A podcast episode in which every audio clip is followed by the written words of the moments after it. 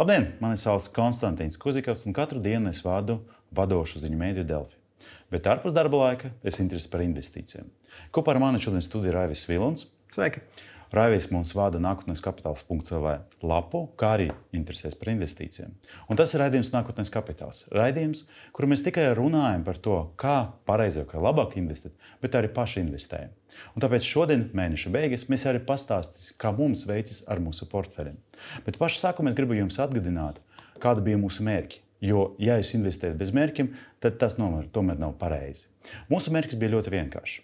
Pirms jau sanākā gada es atnācu šai studijai un teicu, es gribu investēt 24,000 desmit gadu laikā, un ar vidēju ienesīgumu 8% sasniegt 36,000 kapitāla. Bet pēc kāda laika piebiedrojas Raisa un teica, ka var labāk. Un labāk, ja tu dabūsi daudz riskantākas investīcijas. Un tad attiecīgi Raivis arī investē kriptovalūtā, investē arī peer-to-peer investīcijas un, un tā tālāk. Un šodien mēs arī pārunāsim, kur, kuram no mums veicas labāk. Bet vēl vienu, uh, es gribu pievērst uzmanību vienai lietai, kā, kā mēs investējam. Tas ir mūsu stratēģija. Stratēģija ir ļoti, ļoti vienkārša. Mums nav daudz laika, lai mēs varētu skatīties un analizēt, veikt kaut kādas tehniskas analīzes uzņēmumu un akcijiem. Jo katru dienu mums jāstrādā un jādara savu darbu. Tāpēc mēs sekam ļoti vienkāršam trim principiem. Pirmais, mēs investējam periodiski, mēģinām investēt 50 eiro nedēļā. Mēs vienmēr investējam līdzvērtīgi, veicot līdzvērtīgu diversifikāciju. Tas nozīmē, ka faktiski visus savus uh, akcijas es mēģinu viņus sadalīt proporcionāli, lai, lai, lai katrai akcijai būtu sava vienāda daļa, un tad veids samazināt risku. Līdzīgi arī dara uh, Raivis, un šodien viņš arī pāri savu portfeli. Un vēl uh, neveidojam to listi ar, ar, ar, ar akcijām vai investīcijām ļoti garu. Tāpēc, ka mēs vienkārši nevarēsim jau sekot, ja būs liste lielāka par 30 vai 40 vienībām. Tāpēc mēs faktiski fokusējam uz ļoti mazu listu, līdz 20 aktīviem. Tas ir mūsu šajā gadījumā stratēģijas principi. Un es gribu atgādināt par to, ka pirms gada es pirmo reizi uh, ienāku šajā studijā runāju par septembri. Un vēsture septembris ir, uh, nu, viņam ir nosaukums Black September. Tas ir saistīts ar to, ka daudzas krīzes notika tieši septembrī. Un ir jāatzīst, ka šis septembris nebija izņēmums. Jo, ja mēs paskatīsimies uz tā, ka šogad vispār gāja SP 500 uh, reitingam, tad mēs arī redzam, ka gada griezumā indeks zaudē 21,6%. Un arī septembrī vēl bija 9%. Tas nozīmē, ka tās uh, slikta slāva turpinās. Bet kāpēc? Ar ko tas ir saistīts? Ar ļoti vienkāršu lietu - inflāciju. Visa pasaule cīnās ar inflāciju, visas centrālās bankas cīnās ar inflāciju, un arī ASV centrālā banka dara to pašu. Burtiski pagājušajā nedēļā bija kārtējs likmju pacēlums, un visticamāk tas vēl notiks vairākas reizes.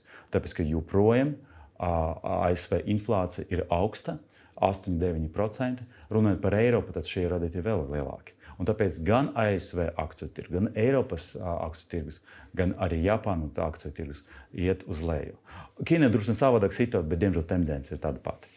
Tāpēc, runājot par investīcijiem, vai ir vērts investēt septembrī un vispār šogad? Es uzskatu, ka jā, tāpēc ka es investēju uz uh, desmit gadu periodu, un tieši tagad es varu investēt, kad cenas ir zemākas. Bet es esmu pārliecināts, ka pēc gada vai pēc diviem mēs atkal ieraudzīsim pieaugumu.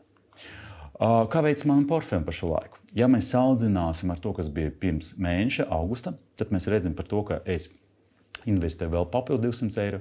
Bet ir jāatzīst, ka vērtība portfeļa vērtība izauga tikai par 27 eiro. Tas nozīmē, ka faktiski es lielāku daļu no savām investīcijām pazaudēju. Un arī ienesīgums nokrita par 6,3%.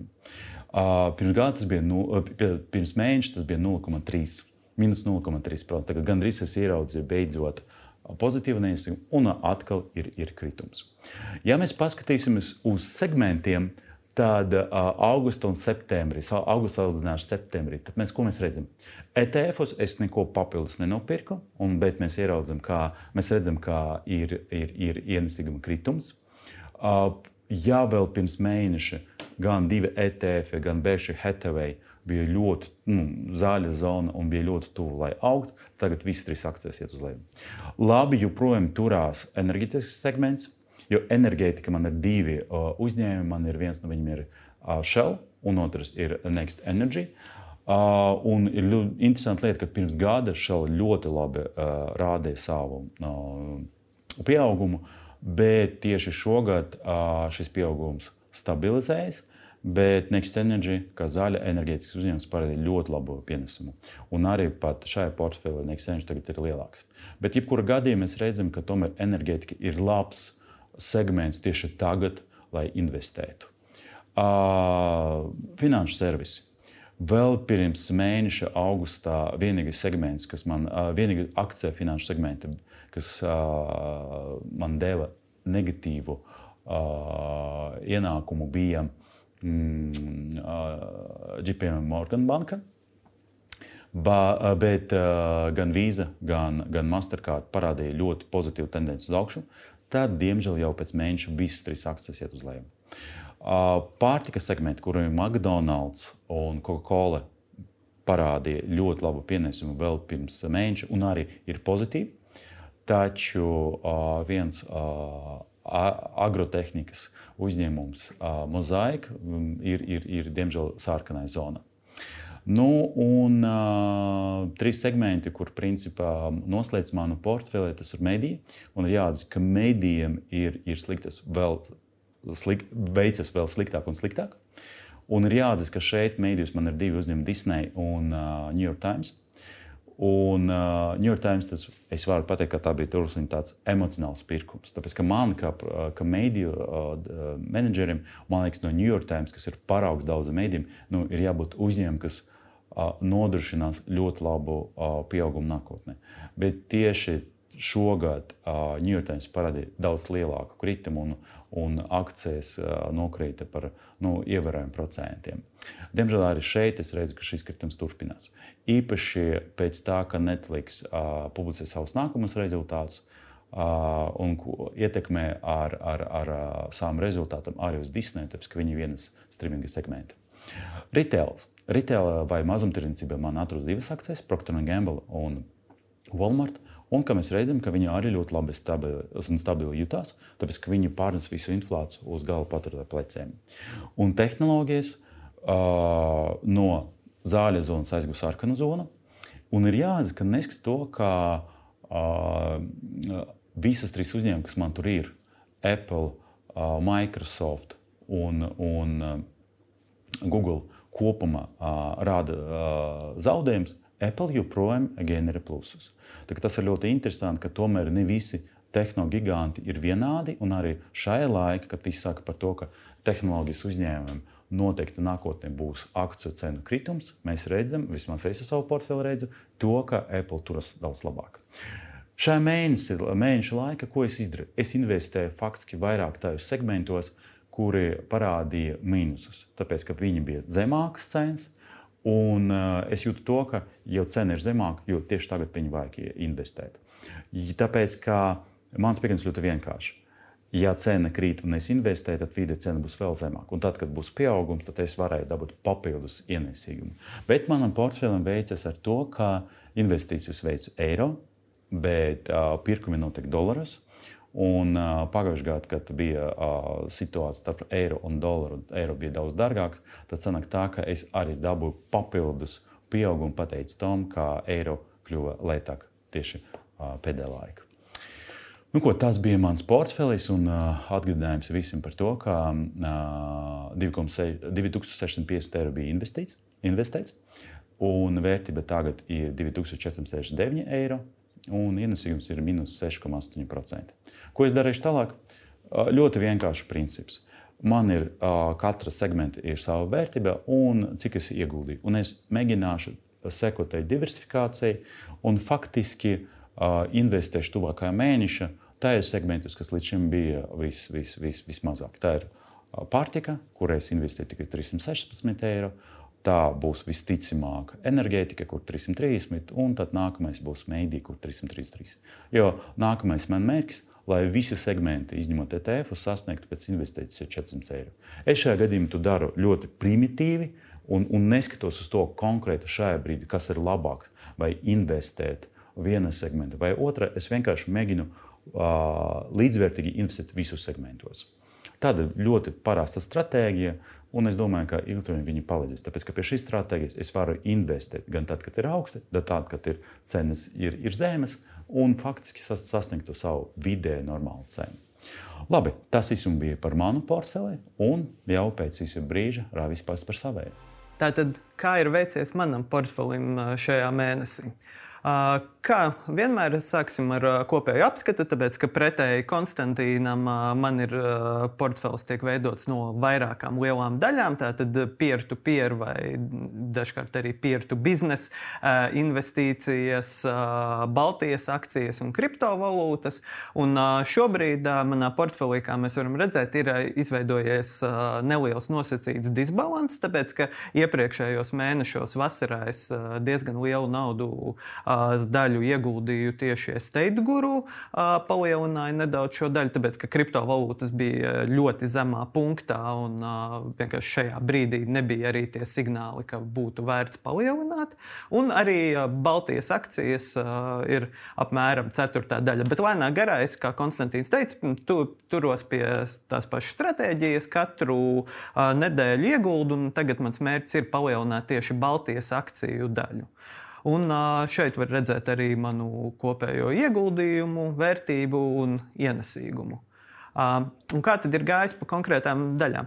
Parasti šajā grafikā es skatītājiem rādu, kā ir veicies Baltijai ilgākā termiņā. Šeit arī var redzēt, kā izskatās šajā periodā. Mēs varam redzēt, ka nu, Baltijas akcijām ir iet kā iet. Nu, tur būtiski nav daudz ko komentēt, tāpēc ka Šajā gadījumā indeks, kas apkopo Baltijas akcijas, turpina savu lēno lejupslīdi. Dažkārt nedaudz kaut kas pakāpjas, dažkārt atkal noslīd uz leju, un tur nav nekādas lielas aizraujošas signāli. Bet, kā jau es iepriekšējā raidījumā teicu, es turpinu investēt, tāpēc ka tajā brīdī, kad šī brīža ekonomiskā situācija, vienalga vai tas būs pusgads vai deviņi mēneši, atrisināsies. Visticamāk, šie uzņēmumi, kuri ir labi, stabili un diezgan arī labi, kā iepriekš parādīts, pārvaldīti, visticamāk atgūsies un arī to vērtību atgūsies.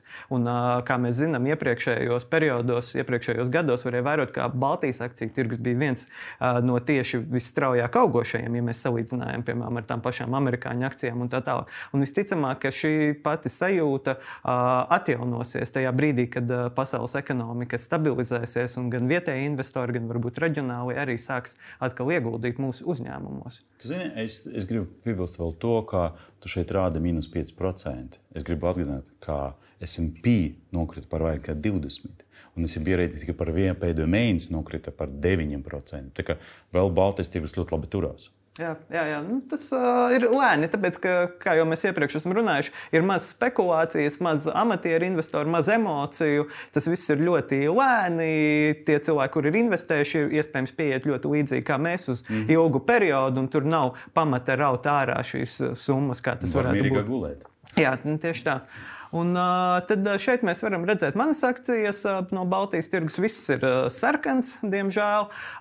Enefit Green varētu gan tuvākajās nedēļās iespējams pat izkārpīties no sarkanuma, jo mēs redzam, ka ir ļoti, ļoti maz, maza robeža, tikai 0,16 eiro palikuši, lai varētu atgriezties pie jau nulles un tad ienesīguma.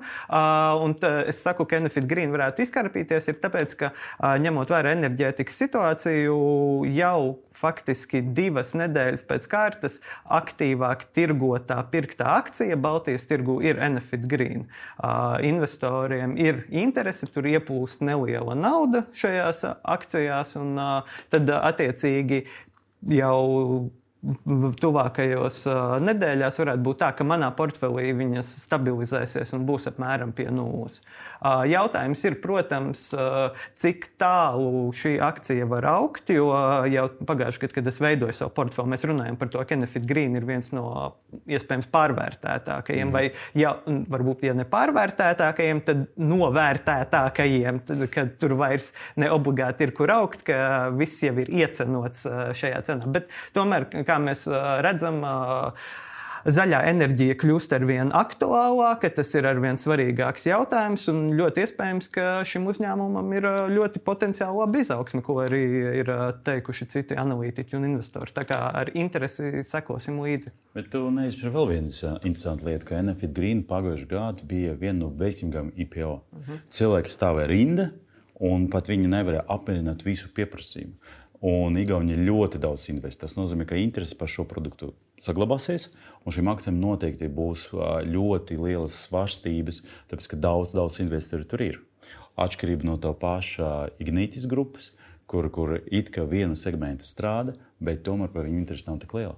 Jā, jā, jā. Nu, es, protams, es arī vēl aizvien ceru, ka Ignitis uh, varētu izrādīties tas melnais zirdziņš mm -hmm. kādā brīdī, un varbūt šī gada laikā, vēl līdz Ziemassvētkiem, varētu arī uh, potenciāli uzaugt šī uzņēmuma vērtība atkarībā skatoties no tā, kāda ir enerģētikas situācija.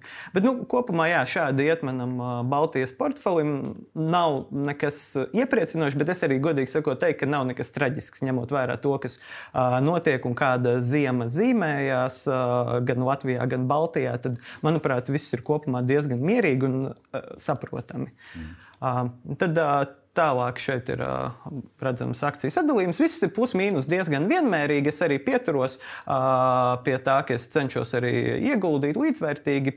Pēdējā, pēdējā akciju pirkumā es arī sadalīju, praktiski nopirku no faktiski visiem uh, uzņēmumiem, izņemot uh, Ignitis, kuram ir diezgan dārgas akcijas. Nopirku pa vienai daļai, atkal palielināju, un tā es arī turpināšu, varbūt atsevišķi palielinot. Dažas. Nebija problēmas ar tās OMX Baltica benchmark fondu? Jā, jā, jā tā, ar to ir problēmas. Dažkārt pirkumi neizdodas, uzlieku orderi uz pirkumu, un dažkārt tas nenotiek. Tad es pēc noskaņa, atklāti teikšu, pēc noskaņojuma dažkārt atkārtoju, dažkārt izvēlos pārvirzīt naudu uz kādu citu akciju, un tad atkal mēģināt pēc nedēļas. Jā, jo, jo starp citu, nesen lasīju par to pasīvu investīciju ka daudzi uzskatīja, ka pat ASV SP 500 reitinga pasīvas investīcijas indeksos veido tikai 11%. Mm. Bet tagad parādās jauna informācija, ka viņi veido jau 38% reāli. Un, un tā ir ļoti slikta lieta, tāpēc ka šajā gadījumā mēs runājam nevis par akcijiem, kas aug, bet par investīciju visas akcijas. Un tiklīdz uh, ir uh, tirgus kritums, tad viss tā nauda aizies, un tad viss tirgus turpinās krist. Tad mēs varam no, uh, redzēt daudz lielāku uh, tirgus kritumu, nekā viņam principā vajadzētu būt. Jā, jā tālāk. Nu, tālāk pie kriptovalūtām. Šajā slaidā es parasti skatītājiem rādu bitkoinu cenu, bet šīs mēnesis, ja pirms divām nedēļām, bija ļoti svarīgs. 15. septembris bija ļoti svarīgs brīdis Ethereum blokķēdē. Jo... Bet kas tad notiek? Visi stāstīja par to, ka tūlīt būs wow, jā, jā. apsteigs, apsteigs bitkoinu. Lūk, uh, Skatītājiem pateikšu, jūs varat nākotnes kapitāls LV izlasīt par to, kāpēc uh, ēterum uh, ilgi gaidītās pārmaiņas nepacēla cenu. Plašāks raksts tur ir no manis. Bet īsumā stāsts ir tāds, ko, ko min analītiķi un skaidro. Galvenais faktors ir tas, ko mums iepriekšējā raidījumā Pauls Mikloševičs teica, ka veiksmīgam investoram, kas grib daudz nopelnīt, ir jāatrod kaut kas, kur jau nav iecenotas lietas uh, cenā. Bet uh, zinot, ka šis ēterumu blokķēdes sistēmas maiņa bija gaidīta jau faktiski par to runāja septiņus gadus. Aktīvi tā tika gaidīta apmēram gadu, divus tajā brīdī, kad uh, Ilons Masks un Tesla saprata, ka bitkoinu nesanāks izmantot, tāpēc ka vidas aktīvisti ir nikni uh, klimata pārmaiņu kontekstā. Tad ēteruma sistēmas maiņa, kas ļauj samazināt ka, uh, emisijas par 99%, uh, ja līdz šim ēterums uh, patērē elektrību tik daudz, kā kā Čīle vai Austrija, atkarībā no aprēķiniem gada laikā, tad uh, tagad tas ir uh, daudz, daudz, daudz, daudz mazāks. Tur ir uh, precīzi skaitlis, tagad es nepateikšu, bet tas ir uh, zem uh, mazapdzīvotas valsts līmeņa, tas kā tas strādā. Bet, diemžēl, tas viss jau bija iecenots. Cen, jā, jā. Cilvēki jau bija tam gatavojušies, ēteru un blokķēdes fani jau bija sen iegādājušies, cerot uz šo cenas kāpumu. Tad uh, mēs šeit varam redzēt, šis ir mēneša griezumā mēs varam redzēt, ka bija neliels cenas kāpums, kur vēl daži investori cerēja, ka nu, būs kripto ziemas, tā sauktās, tagad valda kripto ziema atpūsnis, ka šī eteruma maiņa pacels visu kripto tirgu un cena sasniegs vismaz 2000 par monētu. Diemžēl tā tas nenotika. Uh, un notika pretējais. Ethereum nedēļas laikā zaudēja 15% savas vērtības, tāpēc ka investori gluži vienkārši vīlās. Uh, mm. Amatieri investori, emocionāli pirkumi, emocionāla pārdošana arī uh, vīlās. Nu, neaug, redzu, ka nedaudz pat krīt šajā svarīgajā dienā, dienā kad tiek mainīta sistēma, jau sāk nedaudz krist. Nu, tad cilvēki vienkārši izvēlējās pārdot savas daļas, viņi nevēlējās. Nu, viņi saprot, ka viņš sasniedz visu savu maksimālu. Nu, šajā brīdī. Jā, jā. Šajā, šajā brīdī, jā. Un, jā, un viņi pārdeva, un tas jau izraisa kārtējo ķēdes reakciju, kur atkal tiek pārdots. Un, protams, arī tālāk nākamais kritiens, kas ietekmē gan Bitcoin, gan Ethereum, gan visas kriptovalūtas, ir ASV salīdzinoši sliktie rādītāji. Federālās centrālās bankas vēlme pacelt procentu likmes, kas to arī ietekmē. To var burtiski redzēt tagad, kad es aktīvi sekoju, tādēļ, ka es veidoju šo portfeli. Burtiski var redzēt, apmēram pāris minūtes pēc uh, Federālās rezerves paziņojuma jaunajiem datiem, uzreiz var redzēt reakciju visās uh, kripto biržās, visās spekulācijas Bet vietās. Tas arī uz, uz akcijiem attiecas. Jā, jā, jā, jā. Absolūti. Tur jo, ir. Jo pirms tam vēl bija pieaugums, un pēc tam uzreiz ir. Nu, jā, vienīgais kripto pasaule tā, tā ir nestabilāka un nebalstās nekādām īstām pasaules vērtībām. Tur tie kritumi ir daudz asāki, un tās reakcijas arī ir iespējams daudz asākas, tāpēc ka arī liela daļa investoru ir krietni nu, daudz amatieri, principā daudz emocionālāki. Un, uh, un, protams, arī ir daļa cilvēku, kuri spēlē uz šiem kritumiem, viņi iegādājas uh, par dārgāku. Vai tev ir, ir, ir plāns, kā tu apspēlēsi šos amatierus? Ar laiku. Šis, Ar laiku. Šeit, ir tikai okay. laika jautājums. Jautājums ir, vai kripto ziema daži saka, ka tā varētu beigties tajā brīdī, kad beigsies šī brīža ekonomiskās grūtības visā pasaulē, kad ir sevišķi, kad ASV un Rietumu pasaulē inflācija samazināsies, kad atkal amerikāņiem un citiem turīgiem amatieriem parādīsies vairāk naudas, un arī parādīsies pārliecība, nu, uz priekšu projekcijas, ka dzīve būs laba, skaista.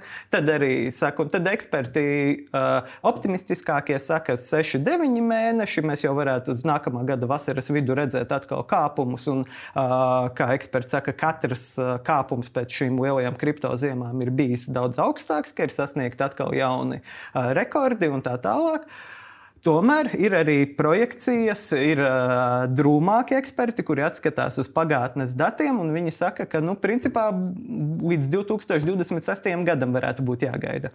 Tad, attiecīgi, mūsu mans portfelis būs piektā, piekto gadu iekšā, un tad es varēšu tevi apsteigt. Kārtīgi.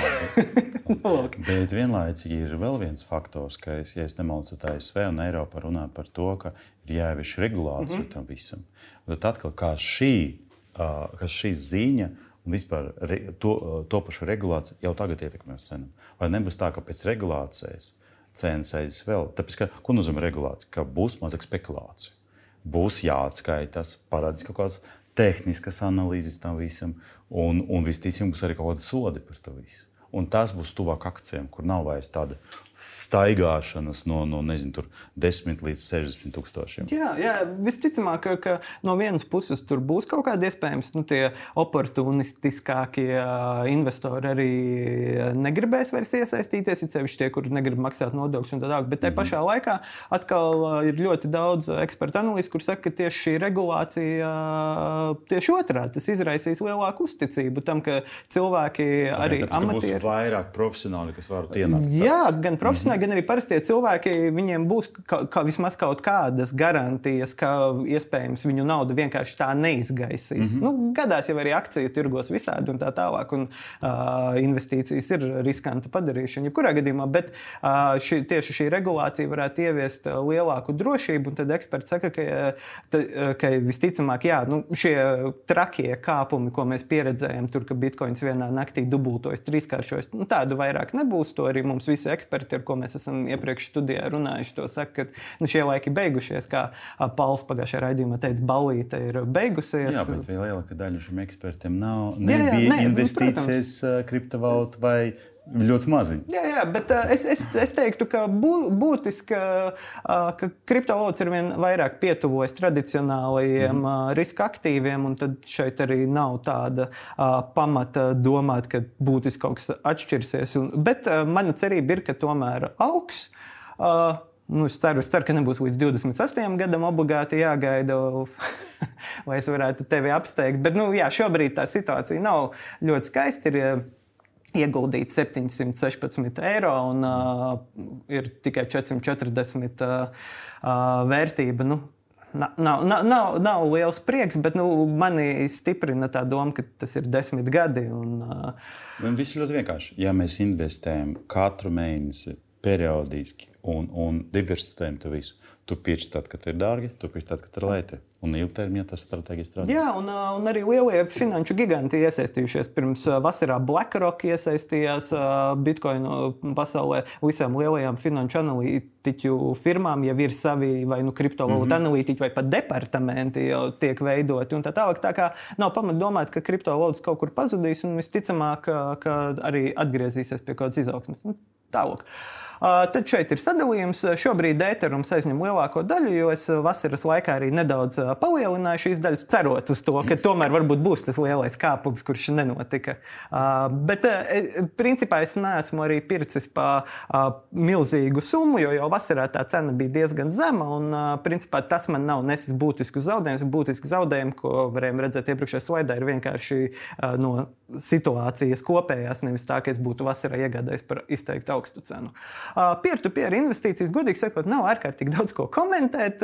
Kopumā viss ir apmēram tāpat, kā bija iepriekš. Tas ir tāda mana miera osta. Pagaidām atdeve ir salīdzinoši neliela. Viņi ir pozitīvi. Viņi ir pozitīvi. Jā, tie, tieši tā. Un bez tā, tāls sports būtu vēl. Jā, tas būtu būt diezgan Sliktāks. dramatiska situācija. Tā kā es esmu priecīgs par to, ka ir un kā var redzēt, es arī es teicu, guru palielināju šo daļu, mm -hmm. un tad es arī šī pusgada laikā palielināju palielināšu pārējo daļu, lai lēnā garā būtu šis izlīdzinošais faktors manā portfelī. Līdz 2028. gadam, kad kriptovalūtas trīskāršosies, piemēram. tad mums būs jānoskaidro, kurš ir veiksmīgāks investors. Bet, lai atbildētu šo jautājumu, gribu sākumā atgādināt par to, kāds, kāda bija mērķi. Šeit mums ir desmit gadu plāns, 24,000 katru gadu investējot faktiski par 2,4 tūkstošiem mēs, mēs valnam savu kapitālu. Un uz šo brīdi mēs esam paša, sakma. Uz šo brīdi, pēc manām prognozēm, manam kapitālam bija jābūt 2508 eiro. Tas ir ar ieneskumu 8%. Attiecīgi, Raiva kapitālam bija jābūt jau 2688. Bet, mēs redzam, ka a, faktiski abi divi mūsu ienākumi, mūsu, mūsu, abiem diviem mūsu kapitāla vērtība ir mazāka. Uh, bet man nu, veicas druskuļi, druskuļi labāk. Šeit ir apkopojums. Attiecīgi, krīzes situācijā, kad viss tirgi iet uz leju, liekas, ir, nu, vismaz man liekas, ka stabilāks ASV akcijas rāda labāku ienesīgumu. No otras puses, mēs, sakot, mēs nerunājam par ienesīgumu, bet mazāku kritumu. Precizēšu. Bet no otras puses, ja tava portfeļa nebūtu kriptovalūta, tad arī tavs ienesīgums būtu tuvāk nulē. Tas būtu pat iespējams pozitīvs, ja mēs sadalītu līdzvērtīgās daļās, ņemot vērā, ka mans peer-to-peer ir diezgan veiksmīgs un Baltijas akcija. Es grūti vajadzētu veikt aprēķinus, bet man liekas, ka es pat varētu būt kādu 0,0 pāri. Starp citu, es tev piekrītu, tāpēc, ka šajā gadījumā viss, kas tava portfeļa velk uz leju, ir, ir kriptovalūtas. Mm -hmm. Bet peer-to-peer un Baltijas tirgus principā kopā varētu performēt daudz, daudz labāk. Un, jā, tas, tas var būt arī pozitīvs. Tikai tā ir atbilde, ko darīt tad, šajos apstākļos, kur labāk investēt. Ja jūs gribat ienesīgumu, tad šobrīd izskatās, ka peer-to-peer ir viens no labiem tādiem miera ostām un, un, un iespēja arī stabili nopelnīt kaut ko klāt. Ja mēs runājam par to, ka jūs tomēr skatāties ilgtermiņā, tad ASV akcijas, Nu, ja jūs esat tik liels optimists kā Raivis, nu, tad 26. gada kriptovalūtu pēc dažiem ekspertiem ies uz augšu. Bet otru mēnesi pēc kārtas pagaidām klasiskais akciju, ASV akciju portfelis performē labāk. Paldies jums visiem par šo laiku, ko jūs pavadījāt kopā ar mums. Es domāju, ka bija interesanti paskatīties, kā mums veicās. Jūs katru nedēļu varat izlasīt par to, kā veids mūsu portāla nākotnes kapitāls.lv kā arī jau nākamā nedēļa mēs tiekamies šajā studijā ar kādu no mūsu viesiem un parunāsim par to, kā viņš kļuva par investoru. Un uzzināsim, kāda viņa bija veiksmes un, un neveiksmes, un kādam principam viņš seko, lai pelnītu savu kapitālu. Paldies jums visiem un tiekamies jau pēc nedēļas. Thank you.